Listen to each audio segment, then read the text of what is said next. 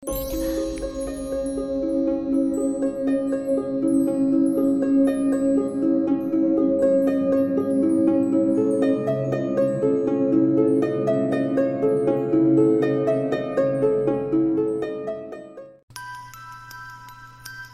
datang dan selamat malam. Saya Denny, narator dari Rumah Horor Indonesia dan Cerita Tengah Malam. Nyambut kalian seperti biasa untuk mendengarkan sebuah cerita horor di malam hari ini. Cerita kita di malam hari ini adalah Gubuk Hantu. Selamat mendengarkan. Hendra, seorang mahasiswa perguruan tinggi di Surabaya yang juga anggota pecinta alam di perguruan tinggi itu, tengah berkemas-kemas menyiapkan barang-barang yang dibutuhkan ke dalam ransel tuanya. Hari ini ia bersama empat orang rekan sesama anggota pecinta alam berencana hendak mendaki Gunung Welirang. Sebenarnya bukan baru kali ini mereka mendaki gunung itu, tapi hari ini mereka akan mencoba rute baru yang belum pernah mereka tempuh sebelumnya. Setelah berpamitan kepada ibunya, Hendra memacu motornya menuju kampus di timur Surabaya. Di sana telah menanti empat sahabatnya, Dedi, Sigit, Khairul, dan Erni. Erni adalah ketua rombongan dan satu-satunya wanita yang turut dalam pendakian itu.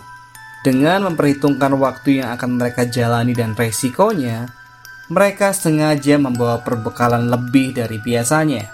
Dipimpin oleh Kairo, mereka bersama-sama berdoa terlebih dahulu. Kegiatan wajib yang harus dilakukan sebelum berangkat ke lokasi tujuan. Setelah segala sesuatunya siap, mereka pun meninggalkan kampus dan mengendarai tiga sepeda motor.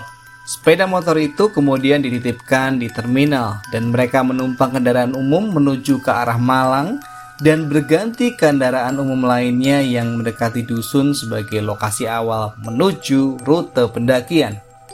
Singkat cerita, mereka pun memulai perjalanan dengan jalan kaki saat matahari tepat berada di atas ubun-ubun. Beberapa rumah penduduk dan hamparan pematang sawah telah mereka lalui. Pepohonan dan semak belukar mulai menghiasi kiri kanan jalan setapak. Sesekali mereka berpapasan dan menyapa penduduk desa yang memikul beberapa ikat kayu di pundaknya. Makin ke atas, jalan setapak itu makin terjal. Udaranya pun makin terasa sejuk. Hal ini membuat Hendra dan kawan-kawannya makin bersemangat. Kicauan burung dan gesekan dedaunan yang dihembus angin menjadi kidung pengiring langkah mereka. Namun, cuaca yang semula cerah mendadak berubah mendung. Disusul kemudian dengan jatuhnya rintik-rintik air yang mula-mula jarang menjadi makin deras. Hendra dan kawan-kawannya bergegas menuju ke bawah pohon yang cukup rindang. Serentak mereka menurunkan ranselnya di punggung masing-masing dan mengeluarkan jas hujannya untuk kemudian dikenakan. Setelah itu mereka melanjutkan perjalanan menembus guyuran hujan dan sesekali dentuman guru di langit yang gelap. Jalan setapak menjadi agak licin yang membuat mereka kadang terpeleset. Ernie mengisyaratkan kepada anggotanya untuk lebih berhati-hati dalam melangkah. Ia menghentikan langkahnya saat Hendra memanggilnya dengan agak berteriak. Er, kita istirahat sebentar ya.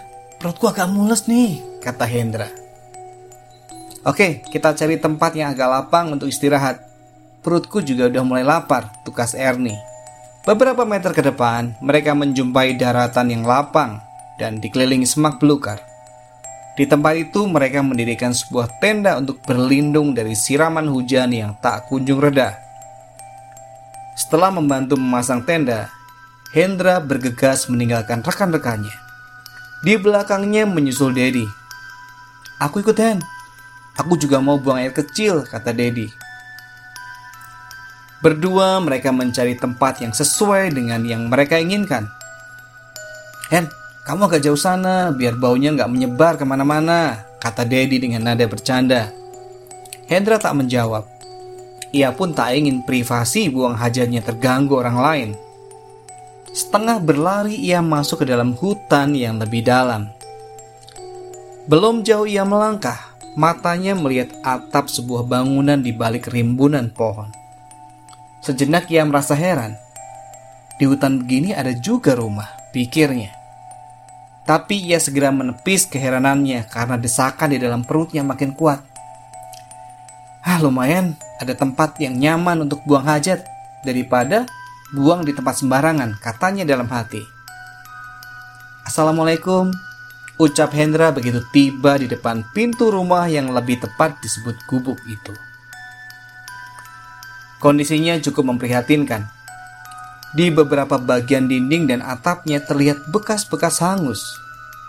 Karena tak ada yang menyaut, Hendra berjalan ke samping dan menemukan semacam bilik mandi beratapkan daun yang bersebelahan dengan gubuk itu.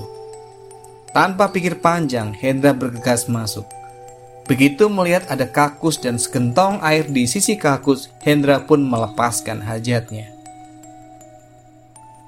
Usai buang air besar, Hendra kembali ke depan gubuk dan berharap bertemu dengan pemiliknya untuk sekedar mengucapkan terima kasih. Saat melintas di depan jendela samping gubuk, Hendra melihat sesosok manusia di dalamnya yang agak gelap. Hendra melongokkan wajahnya ke jendela dan samar-samar melihat seorang wanita tengah menggendong bocah perempuan berumur sekitar dua tahunan berdiri menatapnya. Mah bu, saya baru saja pinjam kakusnya. Tadi nggak ada orang, jadi saya nyelonong aja masuk ke dalam. Ujar Hendra agak tersipu-sipu. Tapi wanita itu tak menjawabnya. Karena terburu-buru, Hendra segera berlalu dari situ setelah mengucapkan terima kasih dan permintaan maaf sekali lagi. Hujan sudah mulai berkurang, tapi jalanan yang dilaluinya masih licin. Sesampainya di tenda tempat rekan-rekannya berkumpul, ada seorang laki-laki setengah baya tengah bercakap-cakap dengan Ernie dan Sigit di luar tenda. Dari seragam yang dikenakan di balik mantel hujannya, Hendra tahu kalau laki-laki itu adalah petugas penjaga hutan seperti yang biasa ia temui saat melakukan pendakian. Sudah lega Hen? Tanya Sigit. Hendra tersenyum sembari menjawab, Plong, untung ada kakus di sana. Kakus? Mana ada kakus di tengah hutan begini? Oh iya pak, ini Hendra, anggota tim saya. Hen, Kenalin, ini Pak Toyib, pengawas hutan ini, kata Ernie sambil memperkenalkan Hendra kepada petugas itu. Maksudku ada rumah di sana dan aku numpang di kakusnya, ujar Hendra. Maksud Hendra, rumah gubuk di dalam hutan itu, setelah Pak Toyib. Iya Pak, tadinya saya kira kosong, tapi setelah selesai buang air saya baru bertemu dengan penghuninya, jawab Hendra. Penghuninya? Tanya Pak Toyib dengan dahi mengernyit. Memangnya Nahendra ketemu siapa di sana? Seorang wanita dan anaknya. Beneran, sekali lagi petugas itu bertanya seakan tak percaya dengan jawaban Hendra. Betul pak, memangnya kenapa ya? Papa kenal dengan mereka? Hendra menatap Pak Toyib dengan wajah penasaran. Pak Toyib terdiam sesaat.